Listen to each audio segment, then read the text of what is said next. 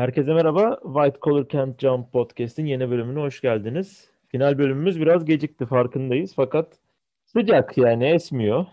O yüzden bir türlü denk gelemedik. Esen yerlere e, yaptığımız göç akınları ve bir takım enteresan hadiseler bu sonuca getirdi. Nasılsın Burak? Başından enteresan olaylar geçmiş diye duydum. Abi başımdan ben diyeyim sırlar dünyası, sen de sır kapısı. Saman yolunda bir 20 dakikayı dolduracak bir hadise yaşadım pazar günü. Ee, öyle bir şey geçti. Sen de tatildeydin herhalde. Aynen, aynen. Bir hafta bir tatil yaptık. Fakat gerçekten bu ülkede maaşlı çalışanın tatil yapma olayı bitmiş sanıyorum ya. Bana öyle geldi. Muhtemelen. Muhtemelen krediyle mrediyle ya da kredi kartının limitlerini doldurarak falan yapabiliyorsun tatili yani. Mevzu belli. NBA finalleri. Abi dur mevzu şu ufak şeyi anlatayım ya. Başıma geleni bahsedeyim yoksa. Ha, ben anlatsan diye bir es verdim anlatmadın o yüzden geçiyordum. Abi inanılmaz yani e, kurşun döktürmenin neden göz ardı edilmemesi gereken bir etkinlik ya da bir koruma kalkanı olduğuna emsal olabilecek bir olay yaşadım. Pazar günü e, telefonumun ahize girişini temizletmeye Apple Store'a giriyordum. Bir iPhone modelini kullanmaktayım yıllardır. Yani ses gelmediği için dedim şunu gideyim temizleteyim. Bir kere daha yaptırmıştım iki kişi önce temizlediler. Abi gittim AVM'nin önünde indim ve AVM'nin kapısında telefonumu yere düşürdüm. Telefonum bel hizasından yere düştü ve kapandı. Açılmadı. Dedim ki herhalde açılır yani düştü kalktı falan bir şey oldu. Zaten eski telefon kafası da çok gidiyor. Abi bekliyorum bekliyorum telefon açılmıyor. AVM'nin içine giremiyorum çünkü HES kodum telefonun içinde. Ve esasen telefonumu temizletmeye gelmiştim. Kapıdaki güven dedim ki ya ben hani böyle trajikomik bir vaka var başımda. Ben telefonumu temizletmeye geldim ama telefonum çalışmıyor şu an ve AVM'ye giremiyorum. Bir 80 yaşında dayı vardı amca. Bir de ben ikimize günlük HES kodu çıkarttılar kapıda. Hani dayı da muhtemelen telefon kullanmadığı için HES kodu çıkartıldı. Bir de bana çıkartıldı. Abi sonra neyse Apple Store'a girdim ve bana dediler ki bu telefona yapacak bir şey yok. Telefon kendini işte recover moduna almıyor ve geçmiş olsun. Yani bel hizasından düşen bir telefon bozuldu abi o gün. Bu arada Apple Store yolunuz düşerse sakın ha ben bir telefon edebilir miyim demeyin. Yani Steve Jobs vicdanı kör olmuş çalışanlar mı çalıştırıyor bilmiyorum ama kimse telefonunu çıkarıp vermedi. Ben bir telefon edeyim anama dedim. Telefon da alamadım. Şimdi güvenlikten falan telefon ettim sonra işte annem ve ablam vasıtasıyla kız arkadaşıma ulaştım vesaire vesaire. Yani telefonumu temizletmeye giderken telefonsuz kaldım abi. Allah Böyle bir hadise. Denemişsindir muhtemelen bu rotayı da Apple Store'un yapamadığı pek çok tamir işini Kadıköy'deki telefoncular yapıyor diye biliyorum. Evet ben. şu an telefon orada zaten şey dedi değil mi? Ha bu çok oluyor yaparız iki gün sonra gel abi. Ha bu şey ya entegrasyon şeyi oluyor bir şeyler. Muhtemelen öyle değil de o öyle olarak şey yapıyor bunu satıyor insanlara. Ha, bunu çözeriz ya falan dedi. Yapılıyor şu anda. İnanılmaz iş ya. Kurşun döktürmek önemli yani kısacası. Geçmiş olsun diyeyim. Teşekkürler. Evet, evet o takip ettin. Ettim abi. Birazcık göz ucuyla oldu ama yine de ettim ben ediyorum. Ben işin doğrusu canlı izleyemedim hiçbirini. Hepsini tekrarlardan izledim. Yo, bende de sıfır. Canlı bende de sıfır ya. Çünkü çok fikstür yani bizim için kötüydü. Hiçbir maç hafta sonu denk gelmedi. Evet. Perşembe gecesi ve pazar gecesine vurdu. Bu hafta bir tane maç cumartesiye vuruyor sadece. Onu canlı artık izleriz. Ee, cumartesiye vuran sanırım Phoenix'in mi evinde olacak? Cumartesiye vuran tabii. Çarşamba dördüncü maç. Beşinci maç cumartesiye denk geliyor. Phoenix'in sahasında evet. Hayırlısı diyelim. Phoenix'i öğlen sıcağında ilginç bir maç olur. Ama şey yine maç orada geç herhalde. Öğlen başlatmazlar onu ya. Muhtemelen orada oranın saatiyle dok- kaçta? Altıda mı başlıyor öyle bir şeydi. Peki. Bu sefer değişik bir şey yapalım Burak. Ee, Buyur abi. Şey gibi yapalım. Nasıl diyeyim? Televizyon programı cevap. olsun. Yok. üç kelimeyle şu geride kalan üç maçı özetle. üç kelimeyle mi? üç, üç kelimeyle cümle, Üç net cümle söyle sonra aç. Harf almadan mı yapıyorsun? Tamam. Ee, Chris Paul bir. Birinci maç Chris Paul. İkinci maç Phoenix'in hücum gücü şut tehdidi.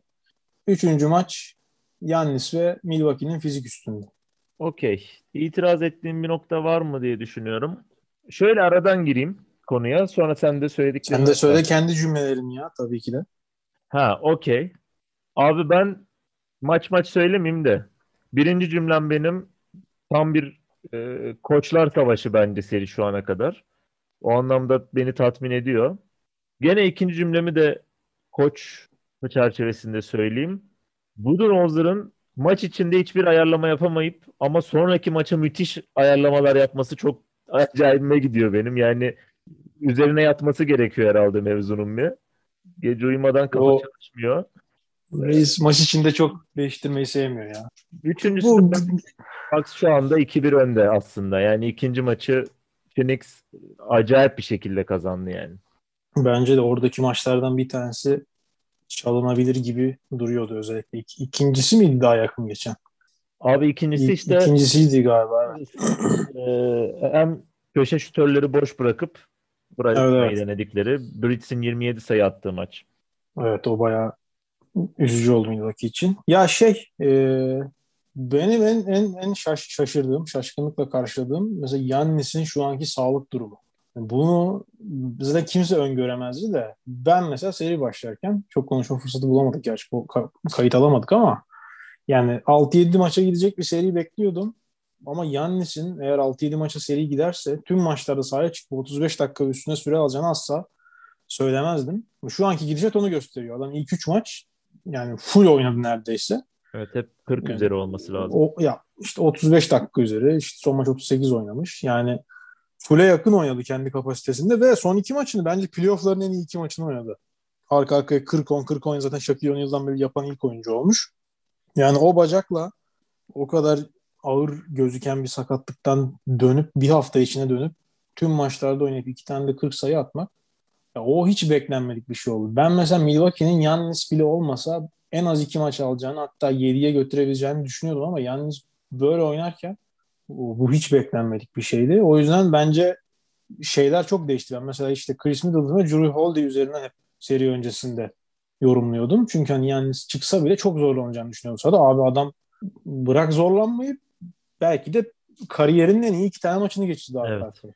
Yani o çok acayip oldu. Mesela Middleton falan dökülüyor şu an. Middleton Yani- bir çok iyi bir çok kötü çok e, yani Middleton'ın olayı bence istikrardır normalde. Hiç öyle değil şu anda. Yani bir çok kötü oynuyor, bir şu iyi oynuyor. Ortası yok. Ya pek yok. Ee, ya o en beklenmedik şey Yannis'in anormal sağlıklı şekilde sahada yer alması. Ee, onun ötesinde yani ilk iki maç Phoenix'in istediği gibiydi. Yani ilk maç zaten tamamen Chris Paul damgasıyla geçti. İkinci maçta da yine hücum yani şut anlamında çok iyiydiler. Milwaukee belki kazanabilirdi ama yani ilk iki maç benim beklediğim gibi geçti. Ben Phoenix'ten Milwaukee belki bir tane alabilir ama 2-0 gelmesinin çok da yolun sonu olmadığını düşünüyordum. Aslında Phoenix'in 2-0 yapmasının bu seriyi hemen hemen kapatabileceğine dair de çok görüş okudum ama ben yine de Milwaukee'nin zaten bu playofflarda da birazcık onu tecrübelediler. 2-0 geriye düşse de bir şekil bu seriyi 7. maça falan atabileceğini düşünüyordum. E şu anda iş oraya doğru gidiyor zaten. Üçüncü maçta reboundları tamamen ezdiler. Aiton zaten foul problemine girince orada müthiş bir üstünlük kurdular. İşte 7 tane fazla hücum reboundu aldılar zaten. Mesela tüm maçta Phoenix'ten daha az yüzdeli şut atmalarına rağmen daha fazla top kullandıkları için o aradaki farkı çok rahat kapattılar ki maç 25 oldu. Son periyot hiç kapanmadı yani. Serinin en farklı maçıydı bu yani. İlk maçta bile o kadar şey olmuştu. Ee, yani ben mesela 2-2'ye gelebileceğimizi düşünüyorum. Sen ne düşünüyorsun? Ben de biraz o noktadayım. Ben iki ya koçlar meselesine biraz söylediğimi açmış oldum aslında. Mühim bir taktik savaşı yaşanıyor bence. Bir şeyler deneniyor yani o çok açık. Bir tek Monty Williams ilk iki maç çok beğendim Monty'yi. Ee, Budenholzer'da dediğim gibi maç içinde başladığı stratejiden sapmalarda biraz sıkıntı yaşıyor ama abi bence ikinci maçla üçüncü maç arasındaki yaptığı ayarlama muazzam iş. Yani net olarak sorunları tespit edip oralara pansuman vurmayı çok iyi becermiş. Ee, Bir Biraz da kelle, nokta- kelle koltukta gelince herhalde o da olabilir. Ee, şey çok kritik gözüküyor. Üçüncü maçta da o kritik gözüküyor. Sen de bahsettin. DeAndre Ayton faul problemine girdiği zaman maç neredeyse bitiyor aslında Suns için. Çünkü e, Saric kapattı herhalde. Yanlış bilmiyorum. Tabii tabii. Saric zaten ACL. Şu an hani Kaminski dışında Kaminski zaten var. rotasyonunda Kaminski biraz denediler abi. yok. Üçüncü maç facia Kaminski. Yani hiç oluru yok. Bence en yok, azından yani. Olmayacağı da zaten belli yani. Kaminski'den de bir şey çıkmazsa da çok üzülemezsin ya da kızamazsın herhalde. Yani Evet. NBA finalinde. Fakat Ulan niye oynayamadın? Yani Kaminski'yi de çıkardığında şey pivot oynamayı geçtim. Uzun forvet geçmişi olan adam kalmıyor geride yani. En uzun adam herhalde rotasyondaki Kaminski'den sonra Torrey Craig kalıyor. Ee, DeAndre Ayton çıktığında. Evet işte Craig, Cameron Crowder Johnson ya da falan işte yani. Crowder kalıyor. Evet evet. Crowder zaten şey e, Yannis'le boğuşmaca. Çok iyi üçlük atıyor şu ana kadar seride ama o şey boş bırakırsan atar, boş bırakmazsan atamaz. Biraz bırakıldığı için atıyor. Ki bence mesela geçen seneki seriyi düşünürsek Heat Bucks serisinden bahsediyorum. Bence Crowder'a karşı oynadığı oyun Yannis'in direkt olarak başka maçlarda göremediğimiz gelişimiyle de alakalı önemli nüanslar veriyor. Yani geçen sene Crowder tarafından kitlenen adam bu sene 40-40 atıyor üstünden hiç irdelemeden. Son maçta Çok öyle. %70'in üstünde de sanırım serbest atış attı ki %70'in üzerinde serbest atış atarsa Yannis o maçı kazanamazsınız muhtemelen. Abi şey daha da acayip. Boyalı bölgede 14'te 13 atmış. Bir tane şut kaçırıyor sadece. %70'e de foul atınca zaten ya her maçı kazandırır sana zaten yani. Evet, Böyle evet. %70'de foul atıp %97,5'la falan da bitirirse pota altında zaten imkan yok karşı takım kazanmasının. Ya adamın mesela şey gelişimi çok acayip ya. Yani bu playofflarda mesela o foul atış yani serbest atış çizgisine geldiğinde artık bir onun için şeye dönüştü orası. Bir travmaya dönüşmüştü yani. İşte zaten Hı hı. taraftarlar saymaya başlıyor. Ki o rutini kim öğrettiyse zaten Allah kahretsin. Adam Naim Süleymanoğlu gibi geliyor, bekliyor, kaldırıyor, silkmesini yapıyor falan. Hakikaten çok 10 saniyeye geçen bir süre oluyor.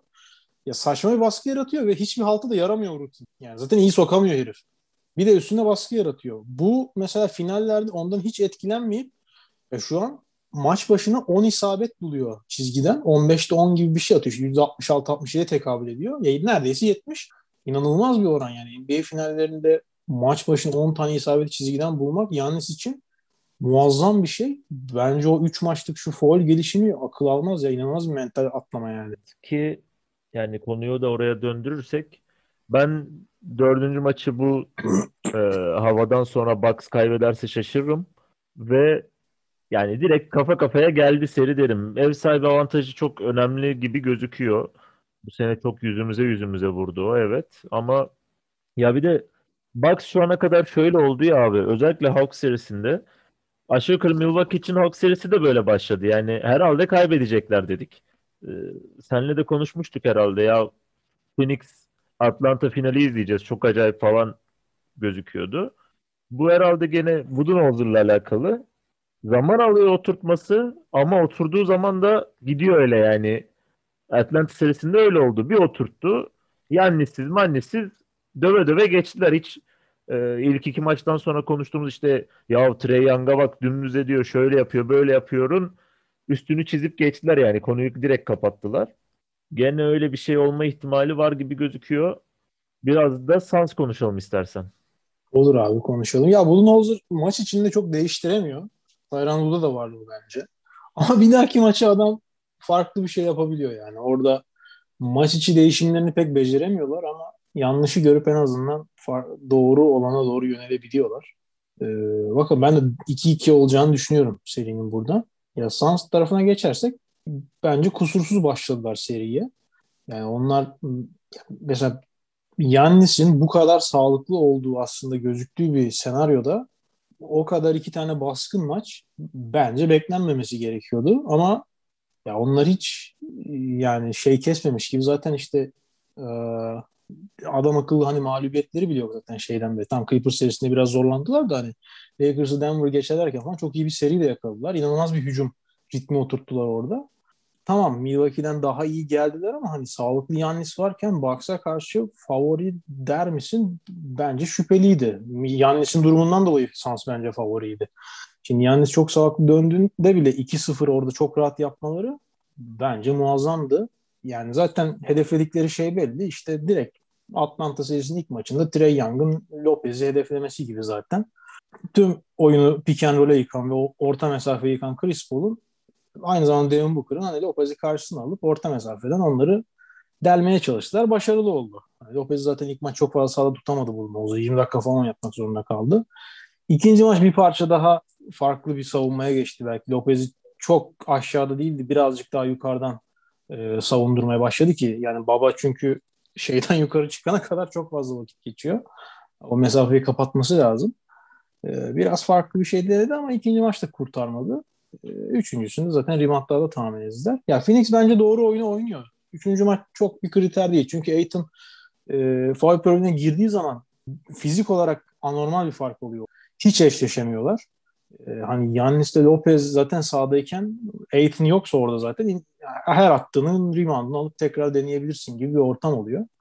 E, bence Phoenix doğru iyi oynuyor. Ya, Booker 3. maç falan döküldü. İyi şut atamadılar. Okey. Ama ilk iki maç özelinde hani e, Sans kusursuza yakın oynadı diyebilirim. Yani Chris Paul da bu kadar artık yaklaştığı bir şampiyonluğu buradan bırakır mı? Şüpheliyim ama göreceğiz. Bence Phoenix tarafında hiçbir sıkıntı yok. Aiton da mesela ilk iki maç tamam playoff performansına göre belki bir tık aşağıdaydı ama yine çok iyiydi yani. Adam zaten tamamen e, mobilite bir uzun. Asla boyalı çadır kurmuyor. Çok az topu elinde tutuyor. En fazla kat eden uzun oyunculardan biri zaten ligde. Ki Chris Paul oynuyorsun yanında. Yani tam modern, şutu olmayan bir uzun. Yani Rudy Gobert ne kadar verimli olabilirin karşılığı bence DeAndre Ayton şu an hücumda. Ee, yani Suns tarafında ben çok bir problem görmüyorum. Ayton e, foul problemine girmediği sürece. Evet o bir sıkıntı. Bir de az evvel bahsettin yani buna bir çare yok ama hücum reboundlar çok göze çarpıyor. Sayısal olarak bir şey bakmış değilim işin doğrusu. Yani işte şu kadar ikinci şans sayısı verdiler falan gibisinden ama maçı izlerken şey diyorsun. Ya hücum reboundlarıyla duman ediyor Bucks Suns'ı diyorsun. Bir çare bulabilirler mi bilmiyorum. Özellikle üçüncü maçta hem bahsettiğim Booker'ın şutları girmemesi durumu ki mesela Clippers serisinde de yanlış hatırlamıyorsam kaybettikleri maçlarda hep o problem vardı. Yani Booker'ın bazı günler şutu girmiyor. Girmediği zaman da elinde işte %35 ile 11-12 sayı atan bir adam kalıyor. Onu çözemezsin yani. O elinde öyle bir adam varken en önemli skorerin o durumdayken o maçı kazanamazsın zaten muhtemelen. Bu da işte ritim meselesi diyebiliyorum. Çünkü aynı oyun oynuyorsun. Adam bir maç sokuyor. Üçüncü maçta kaçırdığı üç tane falan bomboş üçlük biliyorum ben. Gözümün önüne geliyor yani. Ona kimse bir çare bulamaz. Soksan alan şunları dersin en fazla yani çözüm olarak. Neyi değiştirebilirler oyunlarını bilmiyorum. Çünkü şöyle bir sıkıntı doğabilir. Üçüncü maçta doğduğunu gördüğümüz yan parçalar işte Brits'e, Crowder'a falan daha iyi önlem almaya başladı Bucks. İkinci maçta özellikle çok tamamen salmışlardı o üç, boş üçlükleri.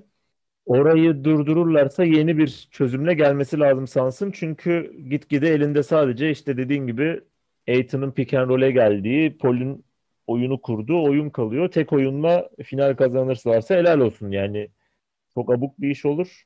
Karşılarında da iyi savunmacılardan oluşan bir takım var. Ben yani artık bu konuda çok fazla şey yapamıyorum.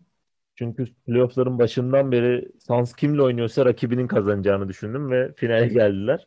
Şu anda da 2-1 öndeler ama İyi, hala kaybetmiş sayılmazsın abi hala. Milwaukee baksa daha yakınım ya. Ya şey işte çok acayip abi. Yannis'in bu durumu çok acayip ya. Ben hiç sen de yani kimse bence bu kadar bu adamın bu kadar sağlıklı gözüküp iki tane arka arkaya böyle maç oynayacağını tahmin etmiyordu. Yani bu bütün planı değiştirdi. Evet. Ben yalnız oynasa bile çok sınırlı olacak ki 7 maçın 7'sinde de hayatta çıkamaz diye düşünüyorum. Kesinlikle ilk maçta falan ben şaşırdım. İlk 1-2 maç çok din yani kenarda kalır 3-4'te falan sahaya girer diye düşünüyordum. Bu kadar gibi bu kadar dominant olması esasen hani beklentiyi de planı da bozdu. Belki Sans'ı da bozdu. Onlar da mesela Holiday Middleton'a odaklandılar ki Holiday ile Middleton'da müthiş maçlar geçirmedi. Üç tane. Middleton bence çok kötüydü. Holiday biraz daha iyiydi.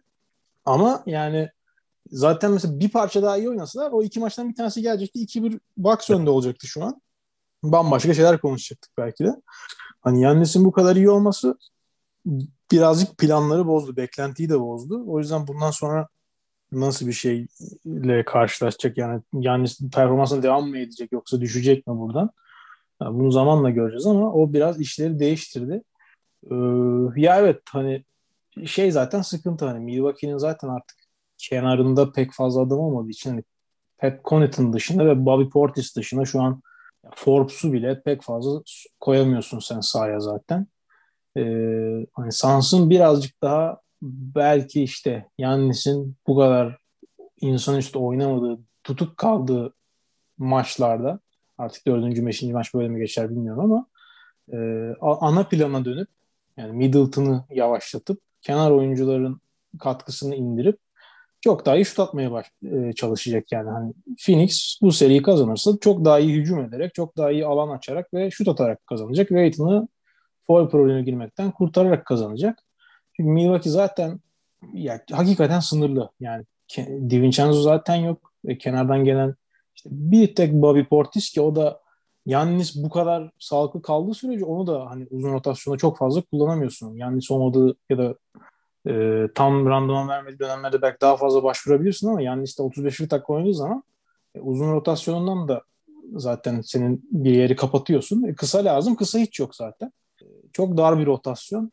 E, yani Milwaukee'yi kötü bir günde yakalayıp Yannis'i birazcık daha bozmaya çalışıp ki tek başına Aiton'la bozmaya çalışmak çok zor olacak. Foul problemini çünkü girdiği anda bitiyorlar. Ee, daha iyi hücum etmeye çalışacaklar. Yani orada Chris Paul'un varlığı en büyük avantaj. Ee, mutlaka çok daha iyi bir maç çıkartacaktır bu üçüncü maçtaki şeyi ben baz almıyorum çok yani. Milwaukee ezdi geçti çünkü fizik olarak.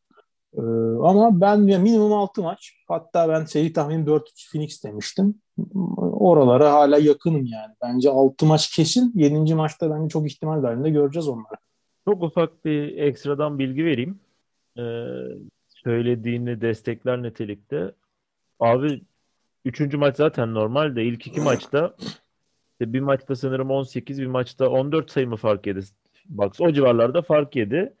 Yannis bu kadar fark yemiş bir takımda o iki maçta birinde 35 birinde 40 dakika sahada kalıp her iki maçta da pozitif e, artı eksi ratingi sağladı abi.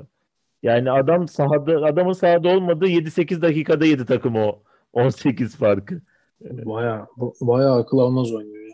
Yani çok çok o bizi enteresan. de esnetmese herhalde Durant gibi 48 dakika salı 50'şer 50'şer oynayacaktı yani. Iş dizi esnetmese ona... daha mı kötü oynardı diye düşünmüyor değilim ya. Bilmiyorum. Adam dizi esnetince belki de doğru oynamayı öğrendi.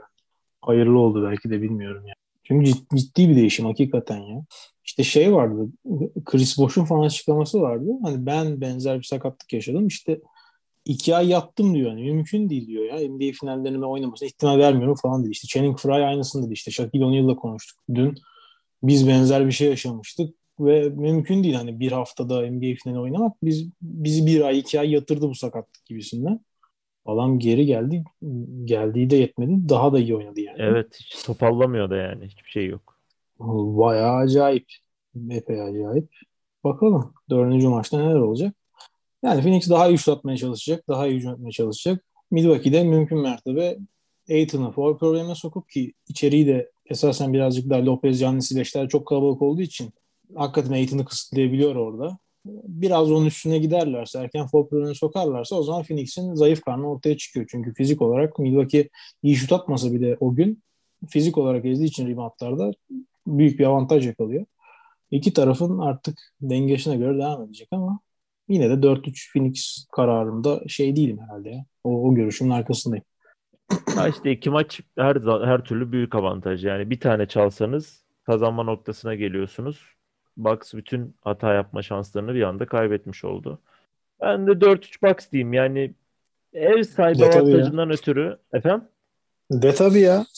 Ya ev sahibi avantajından ötürü biraz daha Phoenix'e yakınım da 7. maçı Phoenix'in sahasında oynayacak olmalarından ötürü. Doğru. O da zor. Zor bir atmosfer. Oradan 7'yi deplasman takımının kazanması zor. Bakalım. Yani şu ana kadar ama keyifli bir seri oluyor. Böyle gitmesini devam etmesini umalım. Yani 4-1 Phoenix bitmez umarız yani. Yok ya çok şaşırırım ya. Ben ben buradan hakikaten şaşırırım yani. Öyle bir şey olacağını pek sanmıyorum. Bu arada Tory Craig her türlü yüzük alıyor biliyor musun? Kim Değil kazanırsa mi? kazansın. Doğru. Öyle de bir şey var. Çünkü Milwaukee'de de epey yani o bir hangi kaçtı o maç sınırı? Şu kadar maç oynarsan takas edilsen de yüzük alıyorsun ya. Aynen. Milwaukee'den Phoenix'e geldi adam ve muhtemelen aynı sayıda oynadı sezon içinde. Kim yani Phoenix kazansın ister tabii de. Milwaukee'de kazansa bir tane yüzük takacaklar Craig'e yani. Ee, çok ufak bir şeyden bahsedeyim. Bu serbest atış konusunu falan konuştuk Yannis'in. İlk maç sonrasında, ikinci maç sonrasında bir röportajı var. Denk geldi mi bilmiyorum.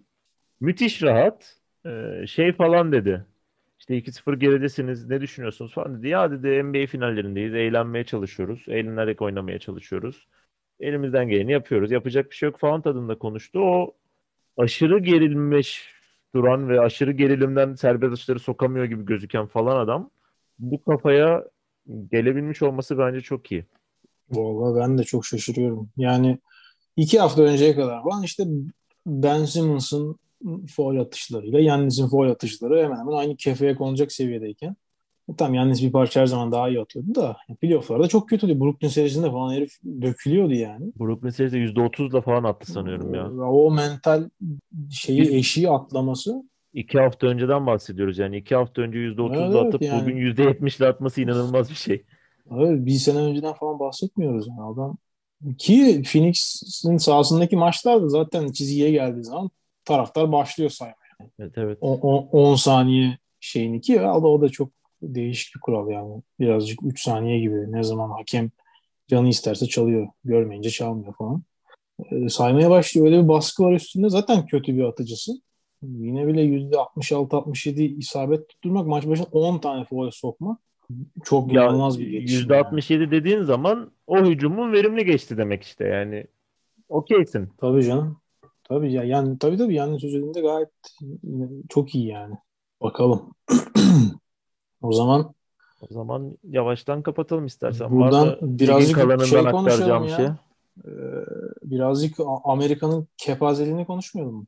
Ha ben maçları izlemedim işin doğrusu. Çok Yok abi ben de izlemedim maçlarda. de olsun. Buyur. İzlemeye gerek yok. Amerika yenilmiştir. Dallas Popovic'e sen çok sevmezsin zaten. Bu kepazelikten.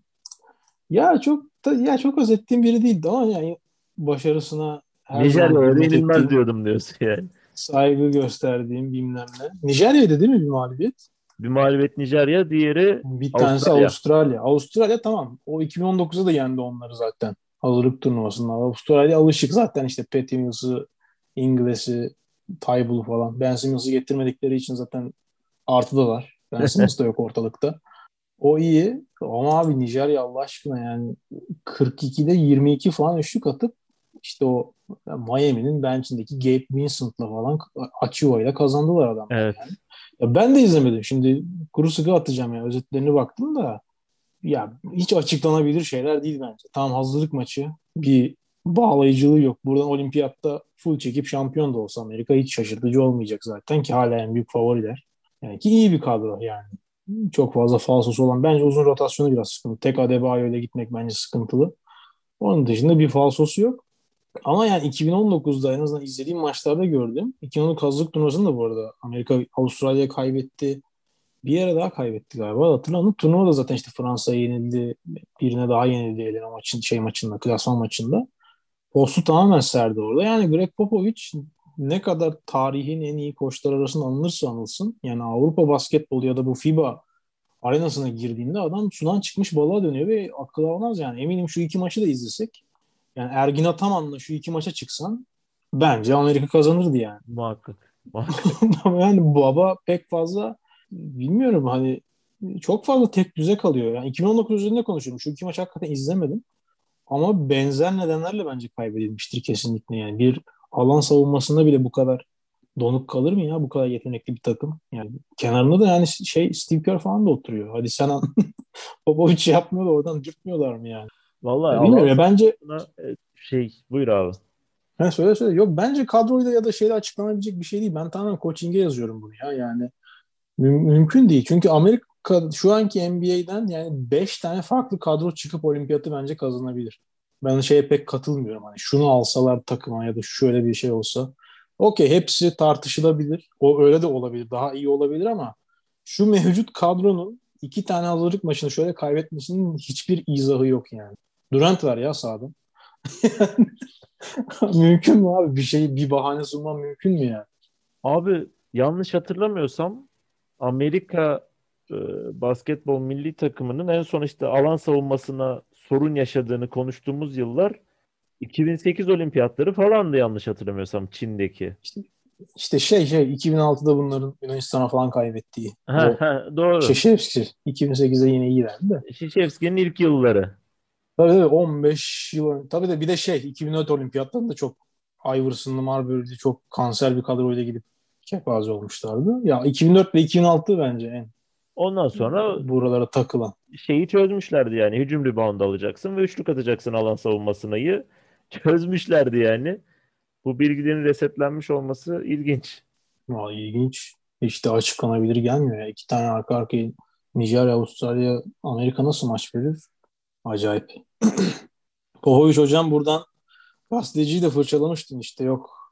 Biraz Şenol Güneşvari bir açıklama yapmış. Ben kamuoyuna hesap size, size hesap vermem gibisinden de bir açıklama yapmış ama yani haksızsın Popovic yani sana laflar hazırladık.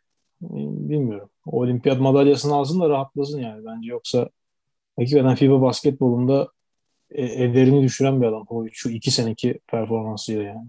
Ee, var mı? Başka konu var mı? Çok ufak bir şey detayını vereyim. Biliyor musun bilmiyorum. Nijerya milli takımının hocası Mike Brown. Evet evet. Gördüm onu. Sırıta sırıta maç sonu. Allah. maç sonu sırıtmıştı ya. Acayip. Ve Pelicans'ın yeni koçundan falan bahsedeceksen süremiz var. Bugün çok fazla konuşmadık. Bence bir finalleri bitirelim ya. İyi tamam. Oralara oralara girmeyelim. Çünkü çok kısa şeyi diyeyim. de yok zaten. Ha. Yani Willie Green oldu gibi gözüküyor. Ha, onu anlaşacaklar gibiymiş de ben de ne bileyim. Bence hiçbir bilgi yok yani bu konuda. Allen Iverson'lı kadroda sahaya giren bir adam olarak tanıyorum. Willie Green ne yapar? Koçluk kari- şeyinde kariyerinin ne başarıları vardır bilmiyorum yani. De. Şu an Çok kısa şeyde, bir... E, Monty'nin yanında asistan şu anda da başka ya işte, biri yok bende. Ki buradan şampiyon olup Pelicans'a sıçrar. Lonzo Ball'un da zaten teklifini karşılamayacakmış Pelicans. Onu okudum bugün. Biri imzalatsa da gitse diye bekliyorlarmış. Buradan kamuoyuna bir sitem edeyim öyle kapatalım. Yani bir süredir Detroit Pistons'ın birinci sırayı takas etmesine dair müthiş bir kamuoyu baskısı var. E, hicap içinde izliyorum. Bu kesinlikle yani işte Kate Cunningham'ı Detroit'e yakıştıramayan o kara cenahın bir kara propagandasıdır. Birinci sırayı bence Detroit vermeyecek. Vermemeli zaten. Cunningham'ı da seçecek. O yüzden yok efendim Houston Rockets birinci sıraya talip işte birinci sıraya şöyle daha iyi olur gibisinden. Basında çıkan haberlere itibar etmeyiniz. Detroit birden Cunningham'ı alacak. Ee, şeyi sorayım sana o zaman. Heh. Cunningham kesin biri değil mi? Açık ara biri yani Abi, tartışmasız bir durum var gibi gördüğüm kadarıyla. Evet. Kesinlikle öyle bence. Yani 2-4 arası biraz daha kendi arasında oynayabiliyor gördüğüm kadarıyla ama Evet evet. İki, işi bitik gibi. Yani yarın bir gün şey olabilir. Netice Detroit'te seçtiği için ilk sıradan. Hani böyle bahtsızlıklar doğal. İşte e, Jalen Green miydi ya? Adını adını unuttum. Hani o belki daha iyi bir oyuncu çıkacak 5 sene sonra ama hani şu anki şartlarda hani Cunningham artı diğerleri gibi gözüküyor bence.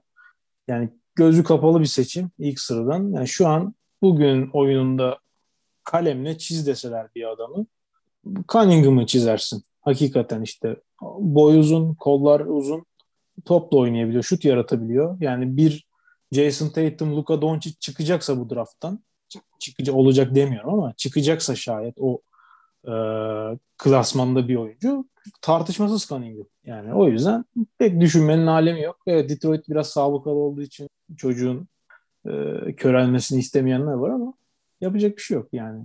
Cunningham bence ilk sıradan tartışmasız seçilecek. LeBron James'i seçerken Cavs'ın ne gibi bir şeyi vardı? Hiç abi. Bu işler böyle. Draft'ın mantığı yani. bu. Aynen öyle. Evet. Bakalım bu kadar serinin uzayacağını konuştuktan sonra biz muhtemelen 5 maçta biter bu seri. temiz temiz. Ondan Hemen. sonra bölümümüzü çekeriz diye düşünüyorum ara bölüm. Aynen. Gerekmez. Hemen cumartesi sonlanır bu seri. Zaten araya bayram giriyor. Muhtemelen bayramda yeni bölüm yayınlayamayız. Bayram sonrası görüşmek üzere diyelim. Görüşürüz abi.